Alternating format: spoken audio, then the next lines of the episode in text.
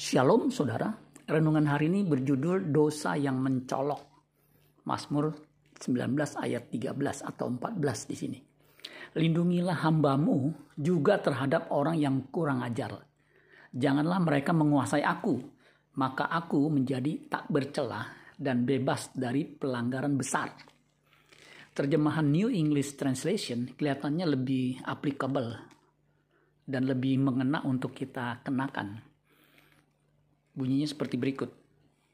Moreover, keep me from committing flagrant sins. Do not allow such sins to control me. Then I will be blameless and innocent of blatant rebellion. Artinya atau terjemahannya kurang lebih sebagai berikut. Selain itu, jangan biarkan aku berbuat dosa yang mencolok. Jangan biarkan dosa menguasaiku maka aku tidak akan bersalah dan tidak bersalah dari pemberontakan yang terang-terangan.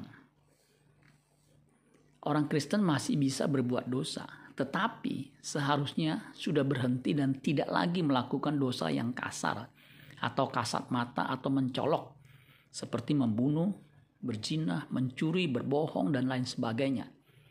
Dosa yang kelihatan dan bisa dilihat orang. Jika masih melakukan dosa yang demikian, bagaimana ia bisa hidup suci seperti Kristus yang menuntut kita untuk memiliki batinia yang bersih? Pemasmur berharap ia bisa bersih batinianya. Di Mazmur 19 ayat 14 dikatakan begini, Mudah-mudahan engkau berkenan akan ucapan mulutku dan renungan hatiku, ya Tuhan, gunung batuku dan penebusku. Tuhan Yesus menuntut kita dengan standar yang tinggi. Orang dikatakan berzina bukan hanya karena ia bersetubuh dengan yang bukan pasangannya. Matius 5 ayat 28. Tetapi aku berkata kepadamu, setiap orang yang memandang perempuan serta menginginkannya sudah berzina dengan dia di dalam hatinya. Dosa adalah meleset dari apa yang Allah Bapa kehendaki. Sedangkan yang Bapa kehendaki adalah sempurna seperti dia. Matius 5 ayat 46, 48. Karena itu haruslah kamu sempurna sama seperti Bapamu yang di sorga adalah sempurna. Yang secara praktis dapat disimpulkan. Kita harus benar-benar hidup benar, melebihi kesalehan ahli Taurat dan orang Farisi yang secara lahiriah kelihatan saleh. Matius 5 ayat 20. Maka aku berkata kepadamu, jika hidup keagamaanmu tidak lebih benar daripada hidup keagamaan ahli-ahli Taurat dan orang-orang Farisi, sesungguhnya kamu tidak akan masuk ke dalam kerajaan sorga.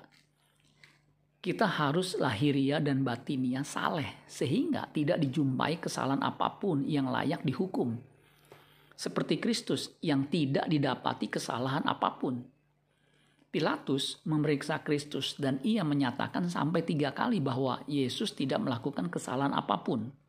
Yohanes 18 ayat 38, Yohanes 19 ayat 4 dan 6. Karena memang ia terbukti tidak berdosa, itu dicatat di Yohanes 8 ayat 46. Siapakah di antaramu yang membuktikan bahwa aku berbuat dosa? Apabila aku mengatakan kebenaran, mengapakah kamu tidak percaya kepadaku? Apakah mungkin hidup seperti itu? Bagi manusia mustahil, tetapi bagi Allah segala sesuatu mungkin. Itulah sebabnya ia menempatkan roh kudus di dalam kita yang akan mengerjakannya dari dalam diri kita agar mencapai kesucian standar Allah. Amin buat firman Tuhan. Tuhan Yesus memberkati. Sola Gracia.